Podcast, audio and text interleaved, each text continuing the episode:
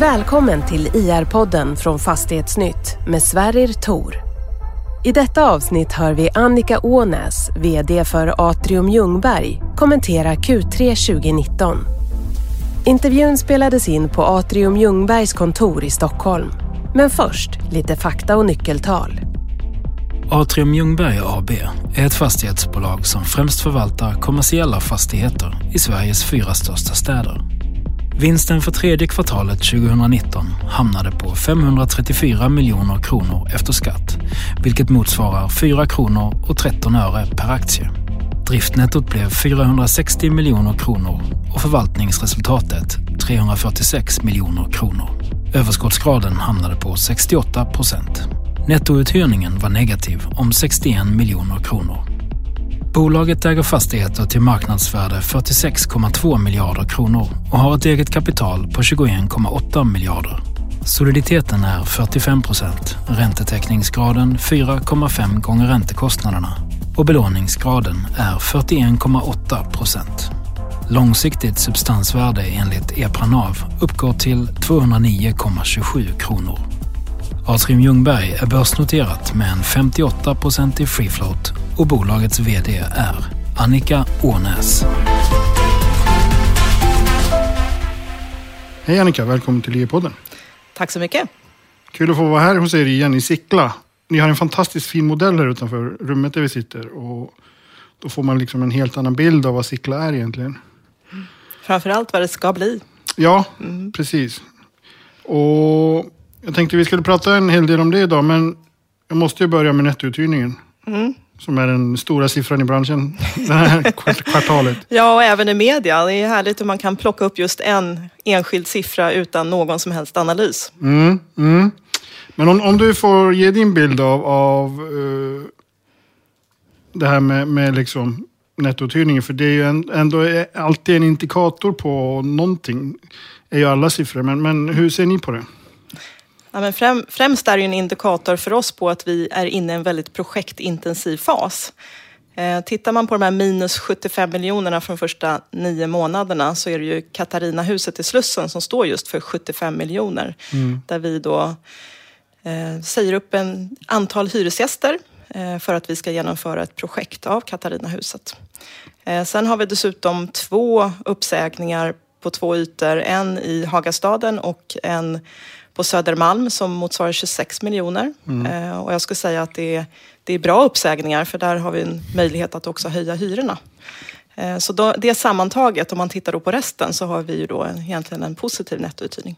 Så bortsett från Katarinahuset, då är det noll. Och, och de andra, det är inte uppsägningar ni har gjort, eller? Det är ändå, ändå som kunden har sagt upp, men, men ni ser det som, som en möjlighet? Absolut. Mm. Bra, då var det avklarat. Eh, en, eh, inte riktigt. En, en sak som nämns är ju att H&M eh, lämnar Sickla, men där finns det en förklaring vad jag förstår. Mm. Ja, men Sickla ska ju gå igenom en stor förändring. Eh, där vi, det är vårt största utvecklingsområde framåt. Mm. Eh, och då har vi ju nu pågående produktion ett hotell. Vi har ett hälsohus i form av Kuranten.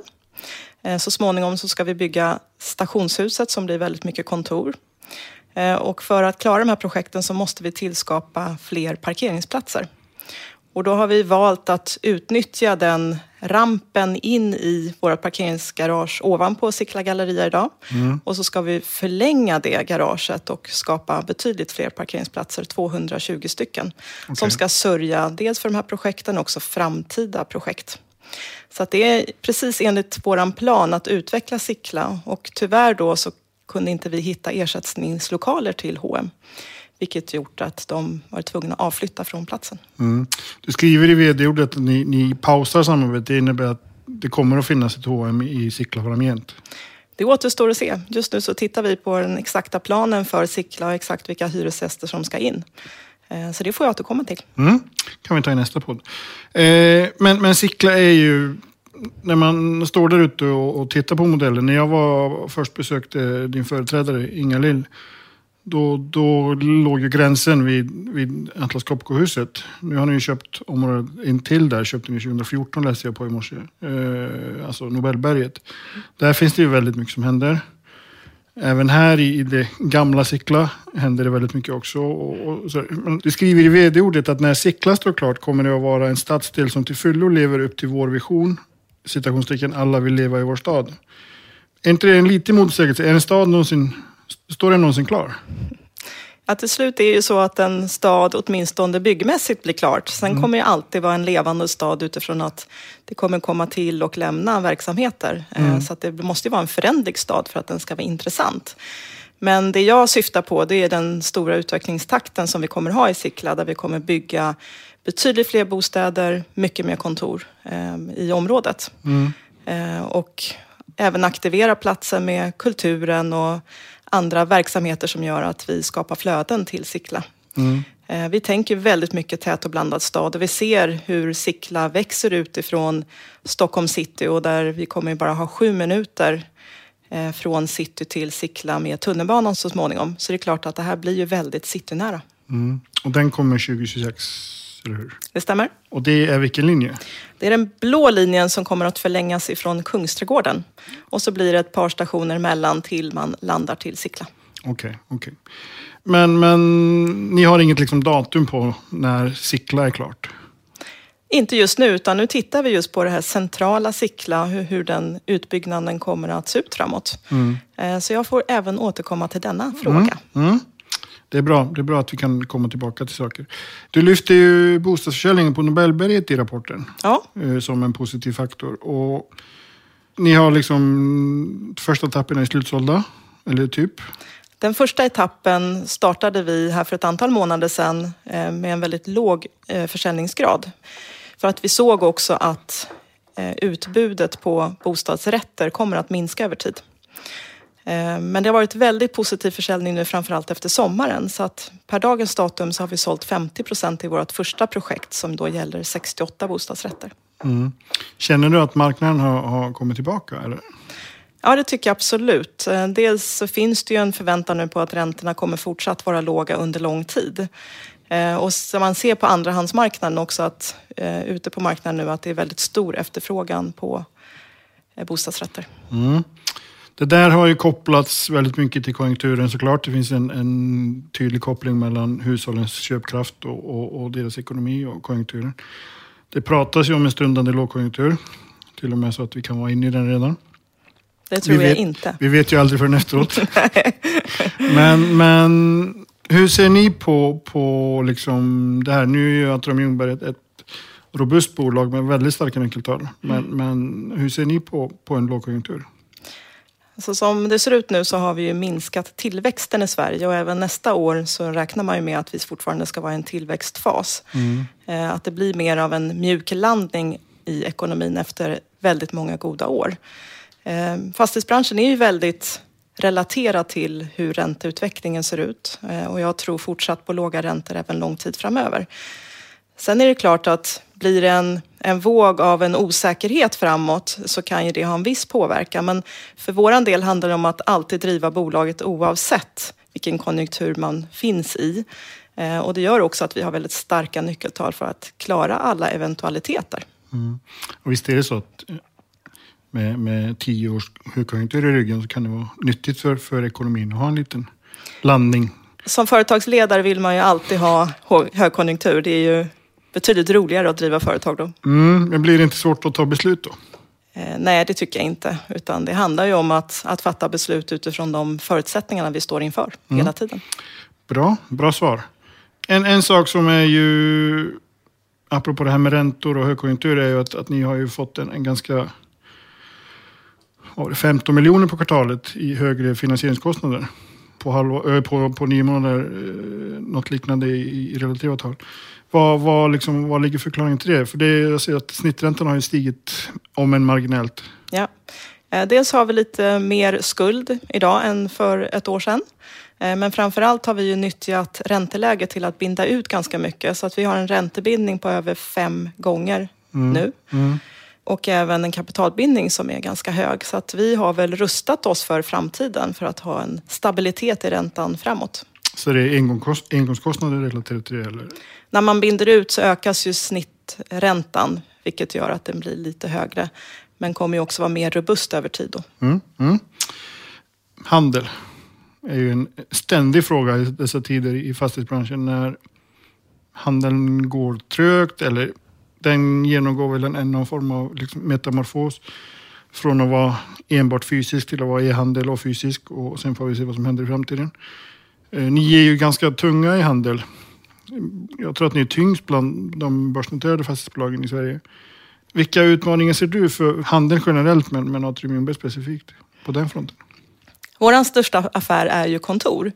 Även om vi ibland kan uppfatta som att vi har väldigt mycket retail i vår portfölj. Men det är just precis som du säger, relaterat till andra börsnoterade bolag.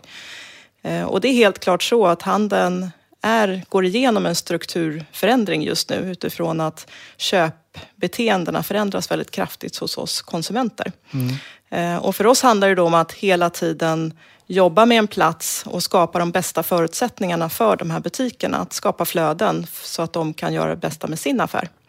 Eh, sen ser man ju en väldigt stark korrelation mellan butiken och e-handeln. Eh, det finns ju exempel på butikskoncept då, som har valt att montera ner antalet butiker, vilket tydligt har minskat e-handelns utveckling. Mm. Eh, och när man då monterar upp fler butiker så ökar också e-handeln. Så att handlarna behöver ju hitta ett sätt att både jobba med butik och e-handel för att vara fungerande. Mm. Vi ser ju också att rena e-handlare som också startar butiker för att ha en bra sätt att eh, visa kunderna och ha nära kontakt med sina kunder. Mm. Um, och över tid så har ju våra platser förändrats väldigt mycket. Uh, för tio år sedan hade vi inte särskilt många restauranger på våra platser till exempel. Så det handlar hela tiden om att ha ett relevant innehåll för att skapa de här flödena. Och det är det som vi får jobba stenhårt med nu. Att vara framåtlutade och att skapa ett riktigt attraktivt innehåll. Mm. Det finns ju någonting som heter halo-effekten, jag vet inte om du känner till det begreppet. Det är, liksom, det är omnikanaler egentligen. Ja. Man, man, är liksom, man, är, man är verksam i alla kanaler och liksom får då en, en positiv utveckling på det. Och handeln är ju någonting som växer. Alltså total, totalkakan. Så mm. det, det jag kan kommentera att... bara att i våra första åtta månaderna så har vi en ökning totalt sett på omsättningen på våra platser med 4,6 procent och jämförbara butiker 2,3. Mm. Så att det ser ganska bra ut på våra mm. platser. Mm. Sen är det väl så, det är väl rimligt att vissa företag går i konkurs ibland? Så har det alltid varit. Mm. Det har varit i både hög och lågkonjunktur tidigare. Mm. Mm. Eh, jag har två, två saker som jag tänker att vi skulle snacka lite mer. Vi har ju pratat Sickla. Ni har ett annat eh, område som ni i, planerar för. Ni är inte igång där, tror jag. Slakthusområdet. Slakthusområdet. Ni ska ju investera 8 miljarder. Ish, ja. Ish. på, på ett antal år. Hur, hur liksom... Hur ser, hur ser det ut där? När är ni igång? Hur mycket kommer ni, liksom, om, om vi pratar på kvadratmeter som går att hyra i första skedet och sådär. Hur, hur ser planen ut? Mm. Vi tillträdde 51 000 kvadratmeter här i juni i år. Eh, av de åtta vi ska investera så var det ungefär en miljard av dem. Eh, det vi gör just nu är att vi aktiverar området med en hel del kulturverksamhet för att sätta området på kartan och attrahera många framtida kontorshyresgäster till den här platsen. Och vi ser ju ett väldigt stort intresse. Samtidigt sker nu ett mängd detaljplaner som ska igång eh, parallellt. Och vi räknar med att vi ska kunna starta det första byggprojektet 2023. Okej. Okay. De här 51 000 kvadratmeter, det är inte mark utan det är liksom... Rena fastigheter. BTA, mm. Mm. Kan, kan man multiplicera med 8 för att se vad, hur mycket ni kommer att bygga? 408 000 då? Nej, vi pratar om att det totalt sett kommer vara 200 000 kvadrat när vi är klara. Vi har okay. tillträtt 51 000 nu. Vi kommer tillträda ytterligare befintliga fastigheter om 35 000 kvadratmeter ungefär och resten är byggarea. Kultur är ju ganska luddigt egentligen eh, vad man ska ha det. Är det liksom blandat eller tror, ser du liksom framför dig att det blir en, en specifik scen som det heter i kultursammanhang just i slakthusområdet? Jo, men vi har ju redan nu då ett samarbete som gör att Follan aktiveras med olika artistevenemang. Eh, det mm. kommer vara en hel del mat. Eh, vi har ju ett samarbete med Parkteatern som gör att det finns eh, saker som händer där. Eh, så det kommer vara lite olika saker som mm. ska ske i slakthusområdet. Mm. Spännande. Det blir kul att besöka det någon gång. Tror du, tror du huvudkontoret kommer finnas där någon gång? Det vet man aldrig. Men du, om, om man eh, tittar lite på där vi började. Vi började med nettouthyrningen och det ska jag inte prata om. Men, men fastighetsbranschen fick ju sig en törn på börsen igår. Mm. Och, och alla drogs över en kam, till och med samhällsfastighetsbolag har dålig nettouthyrning nu verkar det som. Och just det här med att vara börsnoterad är ju en, en utmaning i sig ibland. Och, och ni, ni, har gått med i någonting som heter EPRA-index, eller blivit intagna i EPRA-index. Ja. Och EPRA är ju en europeisk förening för, för listade fastighetsbolag. Men alltså, vad har det för betydelse för er? Att, att vara listad i, finnas med i de här globala indexen behöver inte bara vara EPRA, det finns ju andra. Mm. Ja, men vi är väldigt glada att vi har kommit med EPRA-index för att vi eller jag tillsammans med vår CFO reser ju både till London och Amsterdam löpande. Mm. Eh, där träffar vi investerare som har varit intresserade av att investera i Atrium Ljungberg. Men enligt deras investeringspolicy så får man inte investera i bolag som inte finns med i EPRA. Mm. Så det gör ju att intresset för oss som bolag ökar ju när vi kommer med i EPRA. Eh, och det ser vi också i omsättningen i aktien som mer än fördubblats efter vårt inträde i EPRA. Mm. Och vad, för de oinvigda, vad betyder det egentligen att ha en, en aktie som omsätts? Ja, det ger ju möjlighet till att fler kan investera i aktien, vilket mm. Kan ha en positiv effekt också på priset. Mm. Och i slutändan kanske också kan ge lite nya aktieägare, eller alltså nytt kapital om det behövs. Så är det. Mm. Annika, det är snart jul. Ja, tänk vad tiden går fort. Då är det kul att vara, äga mycket handelsfastigheter antar jag? ja, det är härligt. Oavsett årstid. Eh, hur, hur, eh, finns det någon form av känslighet i, i, liksom, i, i era fastigheter inför, inför jul? Eller blir ni bara glada? Nej, men julen är en viktig tid för handlarna. Det är en väldigt stor del av omsättningen som sker just i samband med jul. Eh, och butikerna har ju slagit rekord i eh, försäljning under många, många år. Eh, och vi får väl se om vi slår ett nytt rekord även i år. Mm. Vi får hoppas. Absolut. Det blir kul att se vad som blir årets julklapp i alla fall. Ja, vad önskar du dig? En, jag vet inte, jag tänkte säga Atrium Ljungberg-aktie, men det kanske... Vi får se. Det låter som en bra julklapp. Nej, jag har faktiskt, eh, har faktiskt en, en önskejulklapp. Det går att köpa klockor nu som är gjorda av, av gamla vapen. Sådana här förbjudna vapen som har konfiskerats. Okay. Som FN tar fram. Spännande. Det tänker jag att jag skulle vilja ha till julklapp. Ja. Mm, och du då? Jag har inte funderat på det. Eh, men något ska nog komma på. Det gäller att vara tydlig gentemot familjen vad man önskar sig. Precis. Härligt. Tack ska du ha Annika. Tack så mycket.